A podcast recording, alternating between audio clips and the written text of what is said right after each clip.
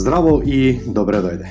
Јас сум Александар Кочовски и слушаш уште една епизода од мојот подкаст каде што зборувам за креирање на бизнис да ти служи, а не да му служиш ти нему.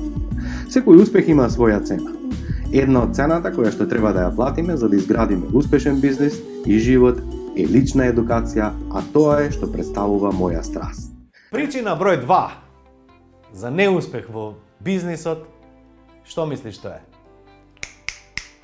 Тим, така ја погоди. Се околу нас е создадено со луѓе. Ниту еден човек сам ништо не направил. Сам човек знаеш кај е, две метра под земја, не над земја. Значи, сето околу нас е направено со луѓе и твојот бизнис дали ќе расте, ќе скалира, дали ти ќе имаш повеќе слободно време, дали ќе заработиш повеќе пари.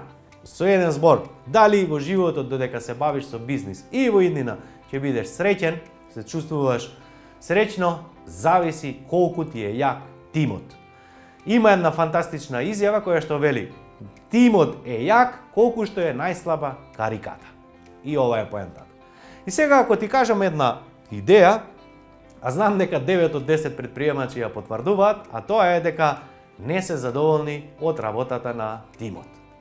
А реалноста е сосема извртена. Какви сме ние, нашиот тим е огледало. Ако ти работиш на себе, тимот работи на себе. Ако ти закажуваш состаноци, тимот закажува состаноци. Ако ти си човек кој што учи, менува навики, и тимот истото го прави. Значи, немаш право да бараш од луѓето нешто што ти не правиш. Одиме следна работа, а тоа е најголем дел од луѓето добиваат она што им треба, а не она што го сакаат. Уште еднаш ќе ти кажам. Во животот сите луѓе добиваат она што им треба, односно она што им е потребно, а не она што го сакаат. Еве што се, што значи тоа. Кога нашиот тим се растура, тоа значи дека некоја лекција не сме научиле. Кога се трудиме да добиеме некој готов кадар, некој лик, мангуп кој што е супер знаен, кој што мислиме дека вау ќе ни процвета бизнисот, не знам, еве сме успеале, сме го добиле во бизнисот, меѓутоа што е поентата?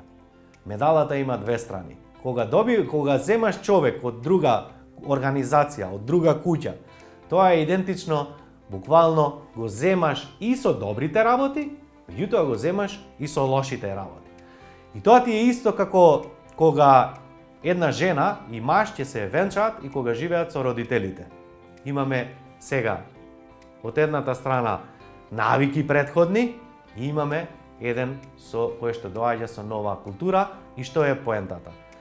Едната страна тежне е да воспостави систериуми и критериуми и начин на работа и однесување, како што било предходно во предходната компанија или семејство, А староседелците се трудат по секоја цена да ги наметнат условите на работа во оваа компанија.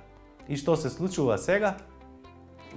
Нема, ако не го премести, премости што и јас, си создал еден нов проблем. Но, ајде сега размисли, зошто постојано го вртиш филмот во глава, дека твоите вработени не се добри, дека не се квалитетни, дека не се продуктивни, дека не се ефикасни и секогаш умот тие во некои други. Дали тревата е позелена во соседството, дали тие се нешто подобри, или само ние сме навикнати, односно програмирани од деца, да не компарираат и да не споредуваат со останатите, и имаме само едно верување дека нашите луѓе не се сосема доволни, дека не се добри, туку тоа се некои други од надвор. И вториот дел на цела приказна е тоа што мислата и фокусот тие дека е моиве не се добри, треба да земам од друго место, од конкуренција, да најдам некој искусен или како и да е, тоа е само период каде што си земаш за право да се дистанцираш од одговорност и наместо да донесеш одлука, ова е мој тим, јас ги вработав, јас сум одговорен, ова се мои деца, не е битно дали се добри или лоши, окей или не окей, ова е нулта ситуација. Супер, како јас да им помогнам да бидат подобри? Што јас да променам кај себе за да подобро да им служам? Дали треба да ги научам како да бидат продуктивни, да планираат подобро, да извршуваат подобро задачи, дали треба да воведам процеси, дали треба да ги едуцирам за некоја оперативна активност, е ова е одговорност. Но ние, нам, ни е многу полесно да ги прогласиме нив виновни само за да испаднеме ние во право и имаме решение кое што се вика готов кадар, а го нема. И што правиме до тогаш? Е, ова е тајната на успешните бизниси. Ова е тајната на успешните предприемачи, што секогаш цврсто ги земаат работите под своја контрола. Внимателно прават по 100 интервјуа ако треба, полека вработува, а отпушта подхитно. Зошто подхитно? Затоа што во секој бизнис имаш 4 типа на вработени. Едниот ти е залутан, он не знае што сака, ти не знаеш зашто си го примил, нема опис попис на работно место, ако го биде, биде, нека проба, нека види, он доаѓа проба и толку. Ти немаш очекувања, тој нема очекувања, само си го трошите времето. И затоа ги викаме залутани. Вторите луѓе се ловци или воени профитери. Зошто викаме воено профитери?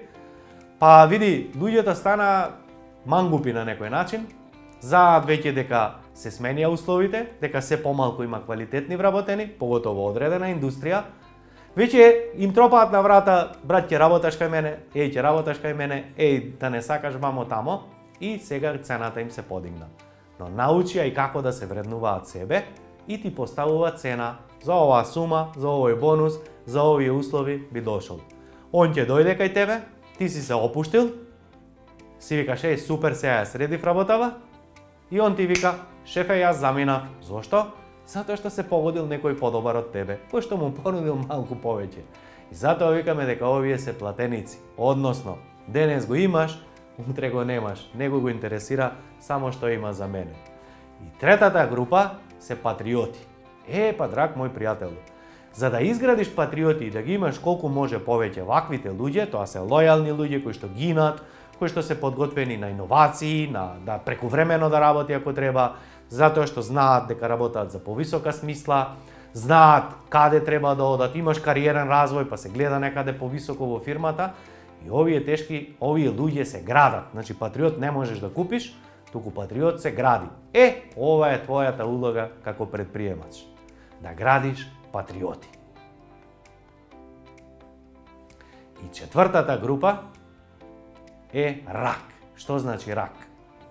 Тоа се луѓе и најчесто уште од самиот почеток на кој што ги имаш во твојот бизнис, постојано ти прави проблеми на работа, постојано создава табори, групи, луѓе околу него, деструктивни, се исмејуваат со тебе, со одлуките и преиспитуваат секоја твоја одлука на состанок, не знам што. Едно се договарате, тие друго прават, колку и да се договараш, но пази тие се љубезни пред тебе, оти знаат како функционираш, а буквално се однесуваат како црв во јаболко и ти ја растураат твојата гајба, односно ти го растура имот. И ти најчесто ова го знаеш и оваа вежба која ја правиме со предприемачите, дури 90% од предприемачите препознаваат по еден ваков лик, но не го отпуштаат. Зошто? Затоа што имаат предрасуди па тој е самиот почеток, па таков е, знаеш, ама вреден работи, па ако го отпуштам ќе не можам да најдам друг, па он знае од почеток, па види денеска нема луѓе, никому не му се работи, па не можеш да најдеш кадар, на младиве не им се работи, не им се учи, немам време веќе нерви живци да учам други од ново. Што значи, до кого е проблемот? До црвот или до тебе? Повторно, драг мој пријател, е до тебе затоа што не сакаш да работиш со луѓе. Полесно ти е да имаш црв, имаш рак, кој што дозволуваш да ти го расипува тимот, затоа што не сакаш да работиш на себе. И еве каде е успехот. Успехот е секогаш од другата страна, а тоа е веднаш и подхитно мораш да отпуштиш таков личност, затоа што верувај, буквално еве ми се случувало по не знам колку пати, да имаме алфа мажјак, доминантен, кој што сака да руци, руши процеси, он е најпаметен, се он знае. И знаеш што е интересно?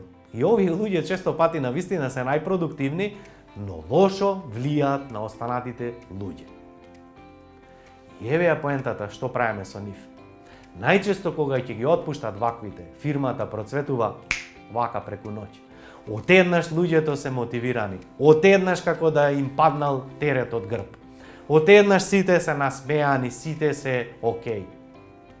Епа, ти сега денес после ова видео имаш една задача, а тоа е направи само анализа од твоите луѓе, кој ти е А, кој ти е Б, кој ти е С, кој ти е Д, односно кој ти е лојален, кој ти е патриот, кој човек ти е платеник, кој човек ти е залутан и кој човек ти е рак.